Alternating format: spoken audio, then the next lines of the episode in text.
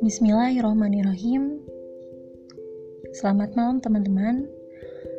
Di ujung hari ini saya akan coba sharing tentang apa ya?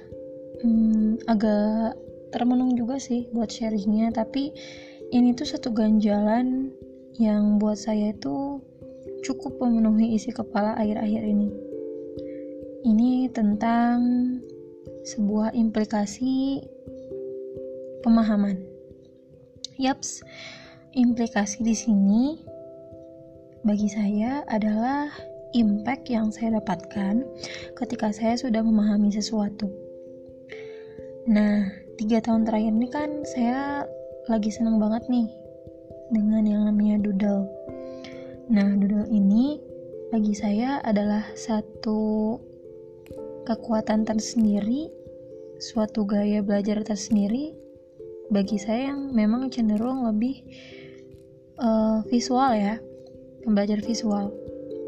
Namun di sini yang menjadi titik lecut saya untuk membuat podcast ini adalah sejauh mana sih doodle itu bisa ber impact dengan keseharian saya saat ini. Karena saya merasa ketika doodle itu hanya sekadar mengoleskan saja tanpa impact apa-apa, ya rasanya cuma memenuhi isi sketchbook aja. Rasanya cuma memenuhi galeri yang kadang memang penuh dikosongkan, penuh dikosongkan. Terus dia seperti itu. Kemudian ada beberapa rencana yang tertunda untuk sharing doodle dalam bentuk buku. Ini impian saya sebenarnya. Dan impian ini justru memang sering tenggelam oleh rutinitas yang begitu hektik. Ya. Namun di sini saya akan coba mulai dari titik nol mengenal doodle. Doodle ini bagi saya menjadi salah satu energi untuk saya speak up sekarang dari berbagai aspek.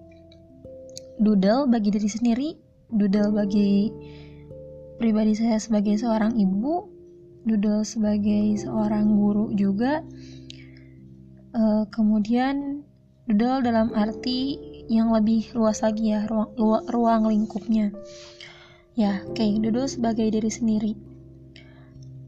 Yang namanya uh, orang kan pasti ingin selalu hidupnya penuh dengan rancangan yang maksimal ya dari awal. Namun uh, saya merasa saya tuh sebenarnya benar-benar randomizer banget. Punya pikiran yang benar-benar acak.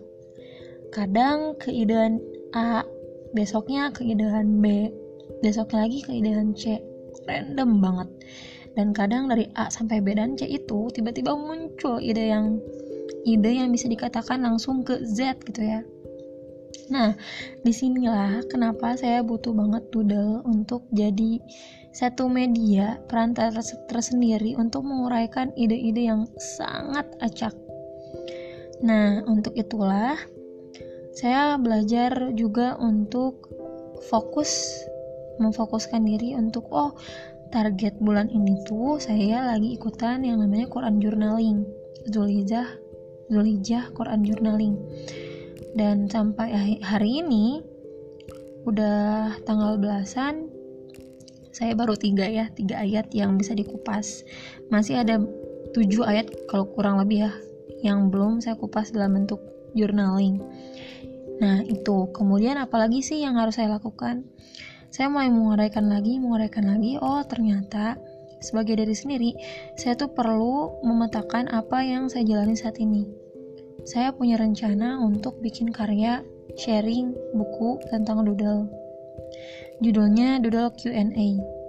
Masih spoiler ya sih ya teman-teman. Jadi doodle Q&A ini uh, saya coba uraikan dari efektivitas penerapannya dalam keseharian kita mulai dari mengenalnya kemudian dari mengenal uh, mengenal tekniknya seperti apa kemudian manfaat dan jeda refleksinya bisa memvisualisasikan seperti apa itu ya mungkin teman-teman kemudian doodle sebagai ibu dan istri ya tentunya saya pikir ini doodle yang sangat efektif ketika kita mulai kalap untuk pengen belanja ini itu. Wah, ini doodle wishlist ya sebenarnya. Kadang memang ketika kita ketemu nih, ketemu tanggal baru, misalnya, kita tuh pasti akan mikir, wah kira-kira awal bulan ini mau belanja apa ya? Nah, ketika kita bisa jeda sejenak dulu buat ngedudling wishlist kita, kita akan coba pikirkan kembali objek atau sesuatu yang memang bisa jadi tarik menarik antara kebutuhan dan keinginan. Ini jadi jadi apa ya? Uh, jadi jeda tersendiri sih, biar kita bisa uh, berefleksi sejenak. Ini benar-benar kita butuhin gak sih? Kalau belanjain ini kira-kira bisa jadi kepake lama atau memang hanya sementara aja? mungkin itu ya meskipun ya meskipun dari awal pun uh, kalau kelewat dalam tahap ini ya sukanya langsung belanja begitu aja kemudian akhirnya wah ini kan entah jadinya mubazir saya pun pernah mengalami seperti itu bahkan mungkin saat ini masih aja juga uh, kelupaan atau seperti apa ya namanya juga masih belajar ya kemudian kalau dudal sebagai guru ini saya upayakan untuk lebih real lagi dalam memberikan media pembelajaran yang memang nantinya akan bermanfaat jika disimak oleh murid-murid di sekolah, terutama dalam proses belajar dari rumah ini. Kenapa? Karena ketika kita bisa membuat media pembelajaran yang memang nantinya akan disimak, kemudian memang langsung bisa diterapkan oleh anak-anak, itu bakal jadi sesuatu yang simpel tapi berguna. Yaps, jadi dalam waktu dekat ini saya berencana untuk membuat satu media pembelajaran tentang membuat info doodle untuk anak-anak di sekolah. Info doodle ini sebenarnya akan saya tunjukkan dalam bentuk uh, streaming mungkin ya, streaming, tapi mungkin kalau streaming menunggu anak-anak nonton ya, tapi ini mungkin sebagai rekaman, rekaman yang bisa anak-anak putar ulang ketika mereka klik di Google Site sekolah.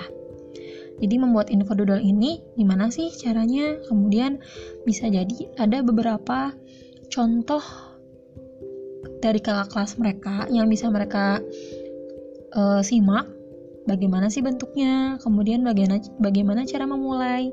Membuat info doodle itu sendiri. Kemudian memahami manfaatnya apa saja sih kira-kira. Kemudian setelah itu langsung ke prakteknya alat tempur apa aja sih nih yang bisa kita siapkan untuk membuat info doodle? Itu ya teman-teman. Dari segi menyiapkan info doodle yang bisa bermanfaat oke. Okay. itu saja. Speak up saya untuk malam ini. Terima kasih sudah menyimak. Mohon maaf panjang lebar. Oke okay, terima kasih. Assalamualaikum